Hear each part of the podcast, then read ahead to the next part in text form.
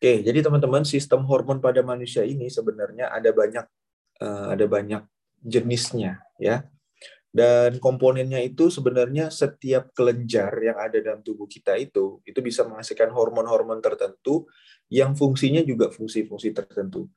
Kalau teman-teman cek dan teman-teman pernah belajar biologi, hormon itu adalah zat kimia yang berperan untuk banyak hal ya. Banyak sistem di tubuh kita yang erat kaitannya dengan hormon. Ambil contoh misalnya, ketika teman-teman uh, timbul rasa lapar, itu kan kerjanya hormon grelin. Ketika teman-teman uh, timbul rasa kenyang, itu kerjanya hormon uh, leptin. Kemudian kalau teman-teman yang wanita ada hormon estrogen, ada hormon progesteron. Kalau untuk pria ada hormon testosteron.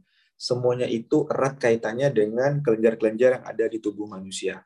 Nah, hormon itu fungsinya banyak teman-teman. Ada yang untuk pencernaan makanan, ada yang untuk penyerapan zat gizi, ada yang untuk reproduksi, ada untuk fungsi seksual, ada juga yang apa pertumbuhan dan perkembangan, ya misalnya kayak eh, gigantisme, kretinisme itu kan salah satu kondisi di mana kelebihan hormon atau kekurangan hormon. Kemudian uh, hormon juga berpengaruh terhadap detak jantung, siklus mood, rasa lapar, kemudian kendali nafsu makan, dan banyak fungsi, fungsi kognitif lainnya. Nah, tapi di sini kita nggak nggak bahas tentang semuanya itu. Kita hanya akan bahas tentang hormon kebahagiaan. Kenapa penting?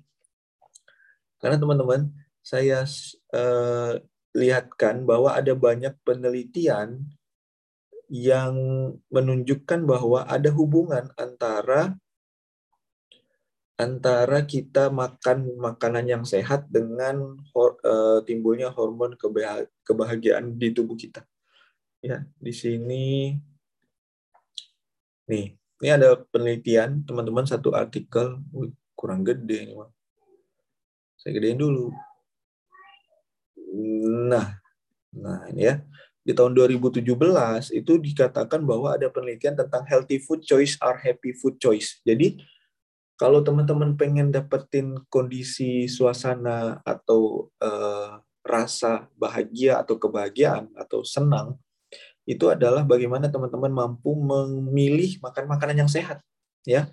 Jadi healthy food choice are happy food choice. Kemudian ada juga penelitian tentang uh, dia tanya nih apakah will Will healthy healthy eating make you happier? Nah, apakah makan makanan sehat akan membuat kamu jauh lebih bahagia?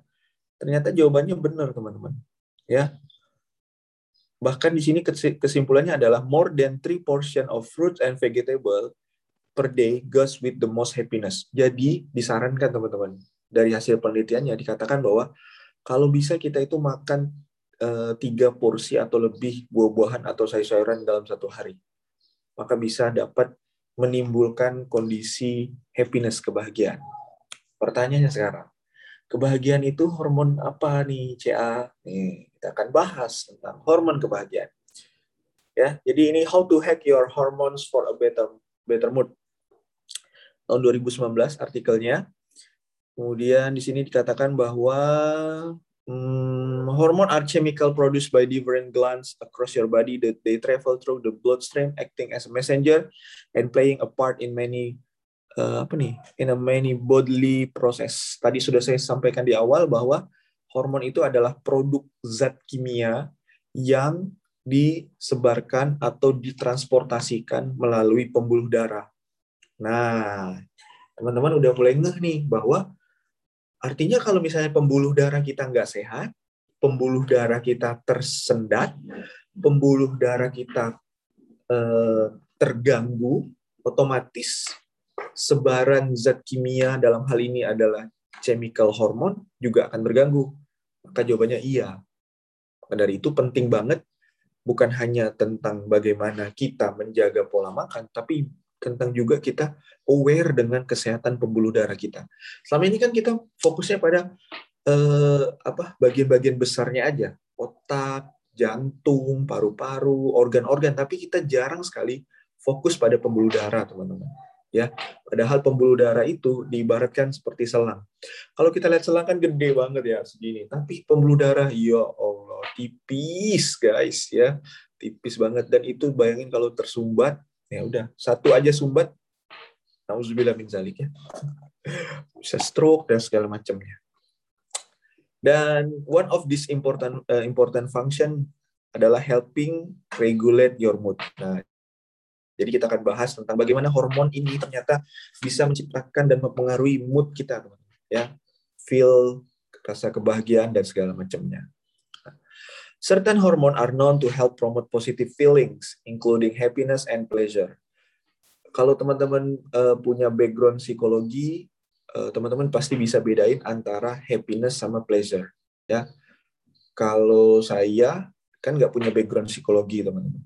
Nah, saya cuman cuma bisa nangkep aja definisi happiness sama pleasure. Kalau happiness itu uh, ada yang nelpon.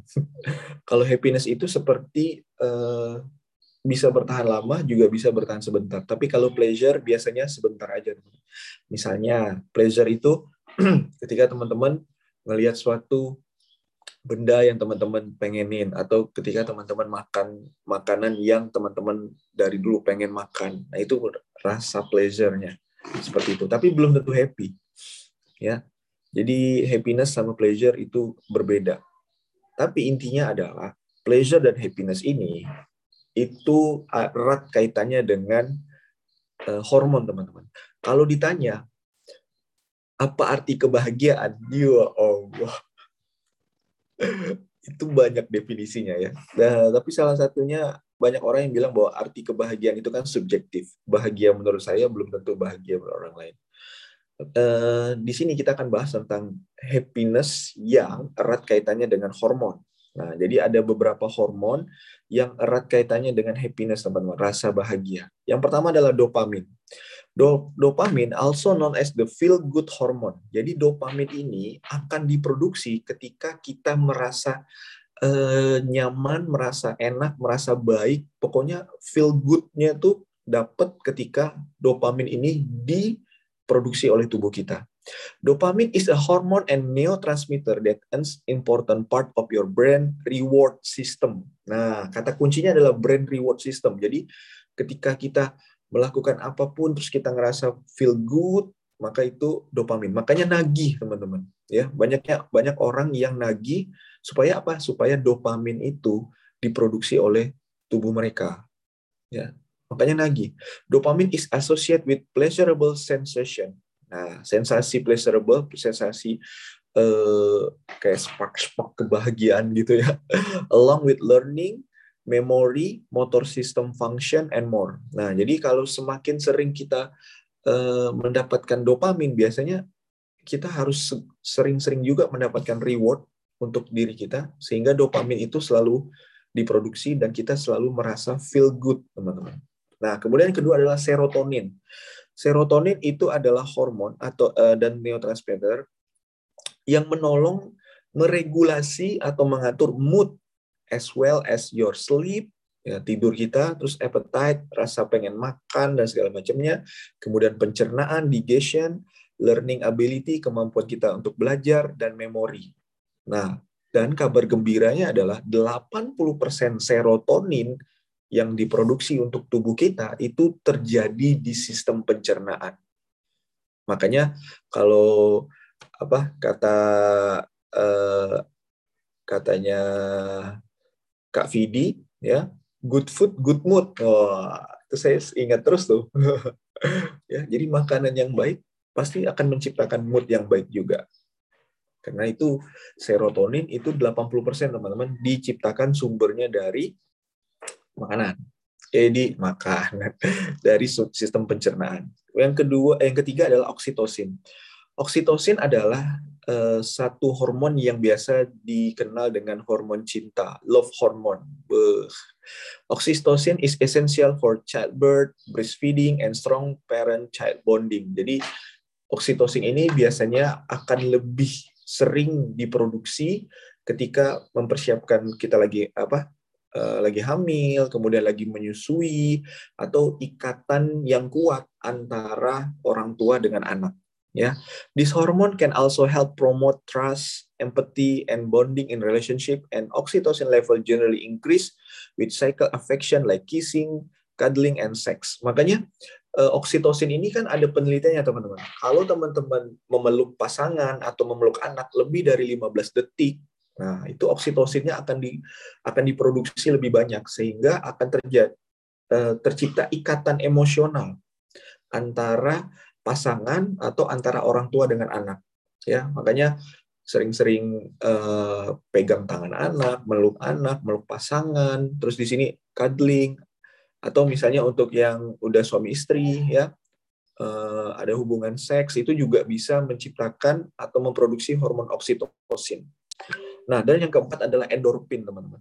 Endorphin are your body's natural pain reliever, which your body produce in response to stress or discomfort. Nah, kalau teman-teman tanya, siapa, eh bukan siapa, apa sih yang bisa menghilangkan rasa sakit secara alami di tubuh kita. Nah, itu adalah hormon endorfin namanya, teman-teman, ya.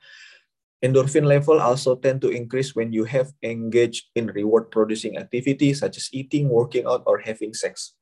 Jadi, semakin kita sering melakukan uh, aktivitas-aktivitas yang berhubungan dengan goals, dengan target, terus dengan hal-hal yang berkaitan dengan makanan, kemudian dengan olahraga, itu hubungannya dengan endorfin, teman-teman. Nah, jadi teman-teman, kalau teman-teman sering olahraga, maka yang akan diproduksi lebih banyak adalah endorfin. Kalau teman-teman sering melakukan apa uh, ikatan emosional, parenting bonding, terus uh, memeluk segala macam dengan pasangan, dengan anak, itu yang akan sering diproduksi adalah hormon oksitosin. Nah, kalau teman-teman makan makanan yang sehat, terus makan makanan yang berhubungan dengan kesehatan pencernaan, maka itu yang akan diproduksi adalah serotonin.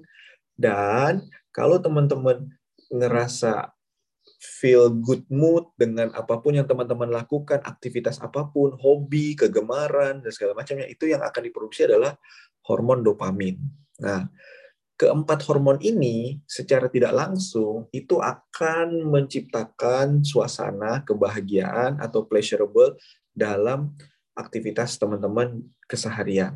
Nah, sekarang kita pertanyaannya adalah gimana caranya supaya kita bisa dapat keempat hal ini gitu, keempat jenis hormon ini. Maka yang pertama adalah get outside, teman-teman ya. Jadi memang benar teman-teman ya. Kalau misalnya nih eh, seorang wanita itu memang suka jalan-jalan keluar ya walaupun nggak shopping walaupun nggak beli gitu kalau kita kan biasanya yang para pria nih kan kalau keluar tuh harus ada sesuatu gitu kan harus ada beli sesuatu atau enggak. Kalau para wanita tuh memang memang itulah sumber sumber hormonnya. Produksi apa sih? Window shopping tuh penting banget ya. Jadi jalan-jalan keluar aja. Makanya eh, saya tuh kalau misalnya coach Ade ngajak keluar gitu kan ah, kayak kita kan nggak mau nggak nggak mau ngapa-ngapain kenapa harus keluar gitu. Ternyata penting banget get outside teman-teman. Keluar dari kantor keluar dari apa uh, ruangan kantor keluar ya sekitar sekitar keluar aja ya. Kenapa? Karena ketika teman-teman keluar looking to boost your endorphin and serotonin level spending time outdoor ya. Lakukan 15 eh, menit, 20 menit keluar rumah aja atau keluar dari ruangan kantor untuk dapetin cahaya matahari. Is a great way to do this. Jadi kalau teman-teman pengen dapetin hormon endorfin lebih banyak, keluar. Keluar ke mana? Kayak keluar rumah, ke taman, ke teras gitu ya. Kenapa? Karena di tahun 2008 dari hasil penelitian, exposure to sunlight can increase production of both serotonin and endorphin. Jadi penting banget teman-teman untuk dapetin cahaya sinar matahari karena itu dapat membuat uh, hormon serotonin dan endorfin dalam tubuh teman-teman jadi lebih maksimal produksinya. Start with at least uh, 10 to 15 minutes outside each day ya. If you are tired of the same outside, try exploring a new neighborhood or park. Jadi kalau misalnya teman-teman udah bosan nih keluar rumah, yang dilihat itu itu aja teman-teman nggak apa-apa keluar 15 sampai 20 menit keluar dan cari pengalaman baru, misalnya ke taman kota atau ke hutan kota atau ke mana pun yang teman-teman bisa dapetin sunlight ya cahaya matahari. Kemudian yang kedua adalah make time for exercise. Mau tidak mau suka atau tidak suka, ataupun itu untuk tujuan diet atau tujuan kebugaran, tapi untuk hormon, teman-teman harus olahraga, harus punya waktu untuk olahraga. Kenapa? Karena olahraga has a multiple physical health benefits. It can also have a positive impact on emotional well-being. Jadi kalau teman-teman olahraga, secara fisik dan kebugaran bagus, secara emosional juga bagus. Ya. Jadi kalau misalnya nih ada teman kita sering bad mood, sering ngomel-ngomel, nggak jelas, ada apa-apa diomelin, coba kalau nggak istirahat, olahraga. Mungkin sering olahraga. Rutin olahraga biasanya eh, emosinya jadi lebih stabil, teman-teman. Ya, ini salah satu salah satu cara yang dilakukan oleh Kak Citra juga nih. Ya, kalau Kak Citra dari pagi pagi pagi nanti tempat gym balik ke rumah nanti sore ke tempat gym lagi wow olahraganya gila-gilaan luar biasa ya kenapa karena uh, beliau bilang ini adalah salah satu cara beliau untuk bisa dapetin itu tadi pleasure ya tuh kata coach Yuni itu. Coach Citra tuh uh, bed, uh, rumah sama tempat gym kayaknya beda-beda tipis. Kalau tempat gym tuh ada dapur mungkin beliau di sana terus tuh. Yeah if you if you have heard of runner's high you might already know about the link between exercise and endorphin release. Nah biasanya orang-orang yang sering olahraga itu hormon endorfinnya stabil dan bagus banget teman-teman ya but exercise doesn't just work on endorphin regular physical activity can also increase your dopamine and serotonin levels making it a great option to boost your happy hormone. Jadi bukan hanya uh, dopamin aja, eh, bukan hanya endorfin aja teman-teman, tapi juga dopamin dan serotonin itu juga bisa meningkat levelnya kalau kita punya waktu untuk berolahraga. Ya. Kemudian yang berikutnya adalah bagaimana caranya untuk maximize your workout. Jadi salah satunya adalah libatkan beberapa teman, ya. Penelitian di tahun 2019 menunjukkan bahwa orang-orang yang berolahraga secara berkelompok itu bisa jadi lebih semangat dan lebih maksimal melakukan olahraga. Yang kedua adalah get some sun. Jadi kalau teman-teman pengen olahraga sesekali outdoor itu bagus banget buat maximize memaksimalkan olahraga teman-teman. Dan yang ketiga adalah at least 30 menit teman-teman lakukan eh, olahraga aerob aerobik ya Eh, mau dia kardio, olahraga jenis kardio, terus teman-teman juga bisa melakukan kombinasi antara kardio dengan weight training atau olahraga angkat beban. Penelitian menunjukkan bahwa hubungan antara endorfin dengan olahraga yang melakukan secara sustain berkelanjutan itu bagus banget daripada teman-teman melakukan olahraga yang sesekali aja. Ya, jadi intinya sekarang adalah nomor satu adalah get outside ya keluar rumah dapetin cahaya matahari, yang kedua adalah olahraga. Dan yang ketiga adalah tertawa, teman-teman ya. ini bukan kata saya, ini kata kata artikelnya. Jadi tertawa with a friend. Nah, kalau ketawa sendirian itu kan aneh mungkin ya. Nah, ini ketawa dengan teman-teman ya. Who has not heard the old saying louder is the best medicine? Ada ungkapan yang bilang bahwa ketawa itu adalah olahraga ter eh olahraga adalah obat terbaik teman-teman ya tertawa. Of course, laughter won't treat ongoing health issue, but it can help relieve feelings of anxiety or stress and improve a low mood by boosting dopamine and endorphin level. Jadi kalau kita sering ketawa terus sama-sama teman-teman kita, itu ternyata bisa meningkatkan hormon dopamin dan endorfin. Ingat lagi teman-teman, endorfin tadi untuk feel good. Jadi kalau kita uh, ngerasa moodnya bagus banget, sering happy dan segala macam itu biasanya kerjanya dopamin, kemudian endorfin adalah body pain reliever, ya penghilang rasa sakit secara alami dalam tubuh kita itu adalah hormon endorfin. Jadi kalau kita sering ketawa tuh dua hormon ini akan diproduksi teman-teman. Ya, berdasarkan hasil penelitian di tahun 2017 bahwa eh, orang-orang uh, yang sering secara sosial tertawa dengan teman-temannya itu uh, menghasilkan hormon endorfin yang lebih banyak dibanding orang-orang yang jarang bersosialisasi atau jarang melakukan uh, tertawa dalam aktivitas hariannya. So, share that funny video, does of your job book, or watch a comedy special with a friend or partner. Jadi disarankan uh, bercanda, kemudian nonton video-video lucu, atau uh, baca-baca buku tentang uh, jokes, terus ada nonton video, apa komedi spesial dengan teman-teman. Itu penting banget buat uh, hormon dopamin dan endorfin. Ya. Dan ada juga yang bilang bahwa bonding over something hilarious with a loved one might even trigger oxytocin release. Nah, apalagi kalau kita bercanda, ketawa sama anak, sama orang tua, sama pasangan, bonusnya adalah oksitosin akan diinikan teman-teman. Oksitosin akan diproduksi juga. Jadi teman-teman bukan hanya dapat endorfin, bukan hanya dapat uh, dopamin, teman-teman juga akan dapat oksitosin. Ingat oksitosin apa tadi? Oksitosin adalah hormon cinta ya.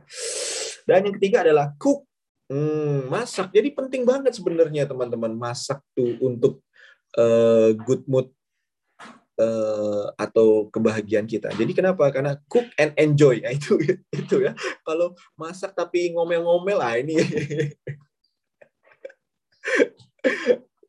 Intinya adalah masak tapi enjoy ya. Cook and enjoy a favorite meal with a loved one. Nah, jadi this tip could and theory boost all four of your happy hormone. Jadi kalau kita masak sambil enjoy itu ternyata bisa membus atau memproduksi empat hormon kebahagiaan tadi langsung dikeluarkan teman-teman. The enjoyment you get from eating something delicious can trigger the release of dopamine along with endorphin. Kita masak dengan enjoy, terus kita makan, itu akan men-trigger atau memicu terproduksinya hormon dopamin sama hormon endorfin. Sharing the meal with someone you love and bonding over meal preparation can boost oxytocin level. Nah, udah kita masak, terus kita makan sama-sama anak, sama-sama orang tua, sama-sama pasangan, orang-orang yang kita sayangi, orang-orang yang kita cintai, otomatis hormon oksitosin akan keluar juga, teman-teman. Dan certain food can also have an impact of hormone level, so not the following when meal planning for happy hormone boost. Ya, ingat tadi serotonin 80% dihasilkan dari sistem pencernaan yang sehat. Nah, jadi teman-teman masak, teman-teman enjoy, terus teman-teman uh, berbagi masakannya, makan sama-sama dengan pasangan, anak atau orang tua, kemudian teman-teman uh, apa melakukan keempat keseluruhan proses tersebut, maka empat hormon akan diproduksi oleh tubuh kita. Hormon dopamin, hormon endorfin, hormon oksitosin, dan hormon apa tadi satu lagi? Dopamin, oksitosin, endorfin. Ya, ada empat. Nah, terus ternyata teman-teman ada beberapa jenis makanan yang ter, uh, bisa meng, memacu atau memproduksi stimulasinya keempat hormon bahagian tadi. Yang pertama adalah makanan pedas. Makanan pedas which may trigger endorphin release. Nah, jadi orang-orang yang suka makan makanan pedas, congratulations karena saya saya nggak suka makanan pedas ya. Orang-orang yang suka makan pedas, teman-teman yang suka makan makanan pedas itu ternyata bisa memproduksi hormon endorfin dalam tubuh teman-teman, ya.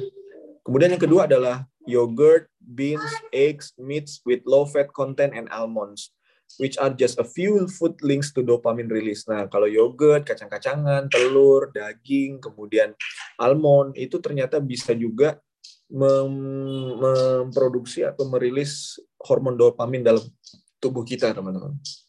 Atau food high in tryptophan. Uh, tryptophan ini adalah mineral banyak ditemukan di pisang, teman-teman, ya, which have which have been linked to increase serotonin level. Itulah pentingnya banget kalau teman-teman pengen uh, apa?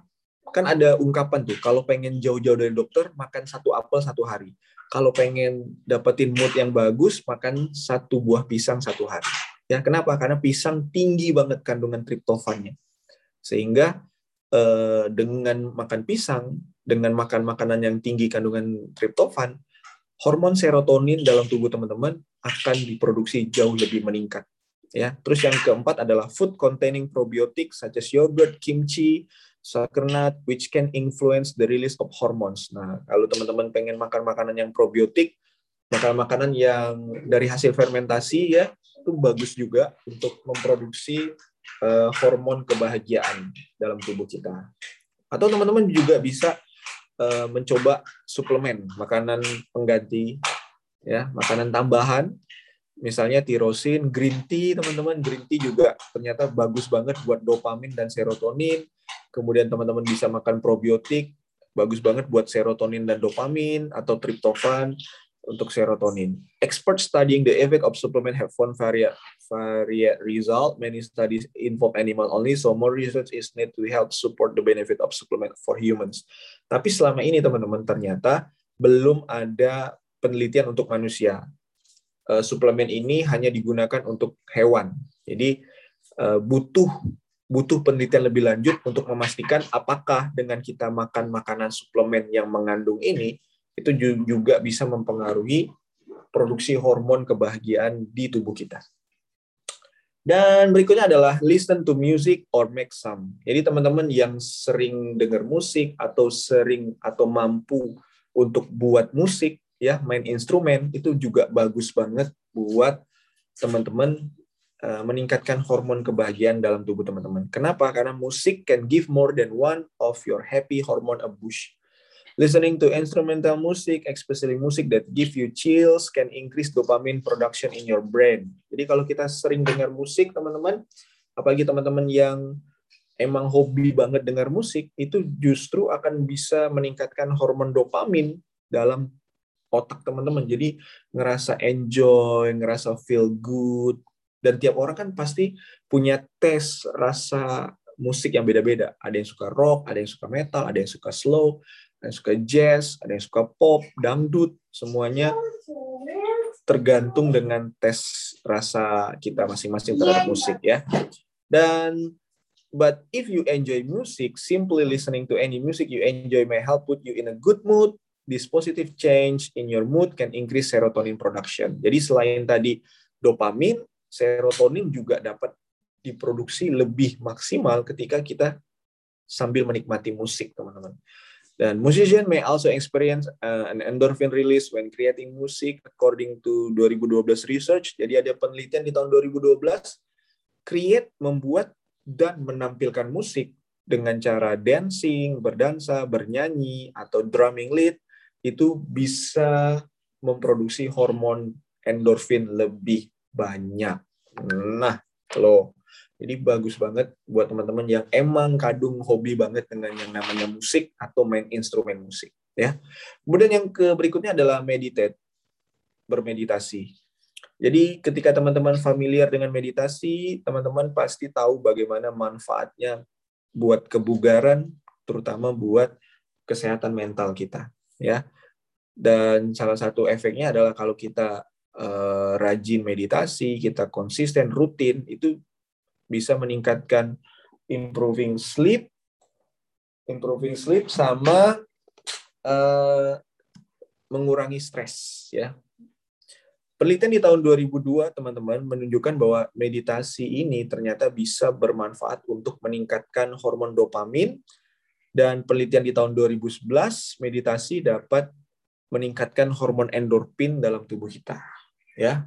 Meditasi uh, biasanya kalau orang muslim kan juga sering tafakur kan teman-teman kan setelah sholat atau apa duduk sejenak nggak ada mikirin apa-apa nggak ada ngapa-ngapain pokoknya duduk sejenak aja tafakur itu juga bagus banget buat eh, apa mental health dan kebugaran kita gitu kan teman-teman yang suka meditasi juga bagus ya. Not sure how to start uh, is not hard as you might think. You don't even need to sit still to it can help when you are first starting out. Uh, kalau teman-teman jujur kalau saya sih eh, apa untuk meditasi saya nggak tahu apakah itu meditasi atau tafakur tapi biasanya memang kalau habis sholat teman-teman ya duduk aja duduk relax terus nggak nggak usah ngapa-ngapain nggak usah mikir apa-apa duduk aja tenang bukan bengong ya tapi eh, mungkin ada prosedurnya ada caranya untuk meditasi teman-teman bisa tanyakan yang ah, lebih ahlinya ya itu meditasi bagus banget ternyata Tuh. Tipsnya di sini teman-teman, choose a quiet and comfortable place to sit. Nah, pilih tempat yang tenang, terus tempat yang nyaman untuk teman-teman duduk. Get comfortable, ya, dapatkan posisi yang enak, whether that standing, sitting, or lying down. Boleh berdiri, boleh duduk, atau boleh baring.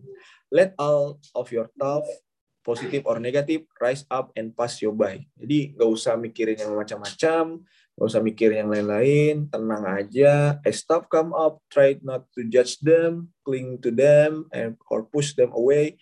Simply enough them. Jadi kalau ada yang tiba-tiba ada yang kepikiran atau macam, ya nggak apa-apa, santai aja. Relax aja sejenak 5 sampai 10 menit. Habis itu baru setelah itu selesai baru teman-teman bilang. Tuh, start out by doing this for 5 minutes and work your way up to longer session over time. 5 menit guys, kalau teman-teman 5 menit buat saya tuh ada 2 5 menit terlama ya. Yang pertama, 5 menit ketika plank itu lama banget. Jadi saya selalu bilang sama teman-teman kan, kalau ada orang yang bilang, ya Ella telat 5 menit ini aja, hmm, coba lah 5 menit plank. Lama itu. Sama 5 menit duduk nggak ngapa-ngapain. Lama banget, teman-teman. Terasa lama, serius.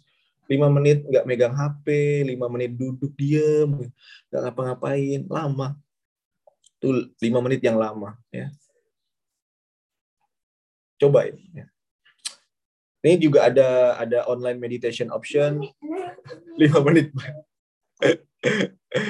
Ah, ini juga bisa teman-teman yang buat ada pasangan atau punya anak atau punya orang tua ya. Rencanakan romantic evening. Ya jadi eh, romantisasi itu bukan hanya dengan pasangan teman-teman. Romantisasi bisa juga kita lakukan kepada anak kita romantisasi juga kita bisa lakukan ke orang tua kita makan malam sama sama orang tua juga bisa gitu kan? Kenapa? Karena oksitosin akan diproduksi lebih banyak ketika teman-teman melakukan hal-hal yang berkaitan dengan rasa cinta, kasih sayang seperti itu ya. Simply being attracted to someone can lead to the production of oxytocin, but sexual affection, including kissing, cuddling, or having sex, also contributes to oxytocin production. Ketika teman-teman melihat atau uh, apa mendengar itu memang bagus banget buat oksitosin teman-teman. Tapi ternyata untuk memaksimalkan oksitosin itu butuh sentuhan. Ya, butuh sentuhan.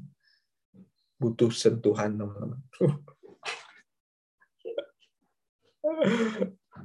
Makanya kan kalau kita baca-baca di novel-novel romantis, teman-teman wanita sering berkata, saya tidak butuh kata-kata, saya butuh bukti dan tindakan.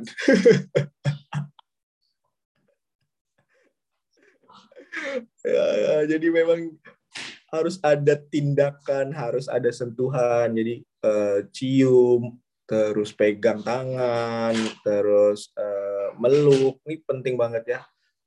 Coba deh sekarang kita ya berapa seberapa sering kita meluk orang tua kita. Coba, ayo saling-saling evaluasi diri kita. Seberapa sering kita pegang tangannya, seberapa sering kita uh, cium keningnya, seberapa sering kita cium pipinya. Ah, guys, ya. Ini bukan hanya buat orang bukan hanya buat pasangan, orang tua dan anak juga penting banget, ya. Jadi just spending time with someone you care about can also help boost oxytocin production. This can help increase closeness and positive relationship feeling, making you feel happy, blissful, and even euphoric. Ya, euphoria. Ya, jadi kalau teman-teman uh, pengen dapetin hormon oksitosin, meningkatkan hormon kebahagiaan, cukup habiskan waktu satu hari atau 20 menit, 30 menit dengan orang-orang yang teman-teman sayangi, dengan orang-orang yang teman-teman peduli, itu dapat membantu teman-teman memproduksi hormon oksitosin lebih banyak. Ya, if you really want to feel those happy hormone, Note that dancing and sex both lead to endorphin release, while orgasm triggers dopamine release. Nah, jadi buat teman-teman yang uh, pasangan suami istri, uh, berhubungan suami istri juga ternyata bisa meningkatkan hormon endorfin dan hormon dopamin. You can also share a glass of wine with your partner for an endorphin boost. Nah, ini kalau ini disarankan uh, berbagi uh, segelas wine, ya. Wah, kalau kita mungkin makan sepiring berdua. sambil suap-suapan. ya. Jadi teman-teman ya. Kemudian ini juga punya hewan peliharaan teman-teman ya. Ini ternyata bagus banget buat produksi hormon kebahagiaan dalam tubuh kita. Uh, kalau di sini disarankan teman-teman punya anjing, atau teman-teman punya kucing atau siap apa pun uh, peliharaan teman-teman itu juga ternyata bagus banget ya. Kenapa? Karena pada tahun 2014 dilakukan research teman-teman penelitian ternyata dengan sering kita memeluk hewan peliharaan kita, sering berinteraksi dengan hewan peliharaan kita itu menciptakan hormon oksitosin dalam tubuh kita.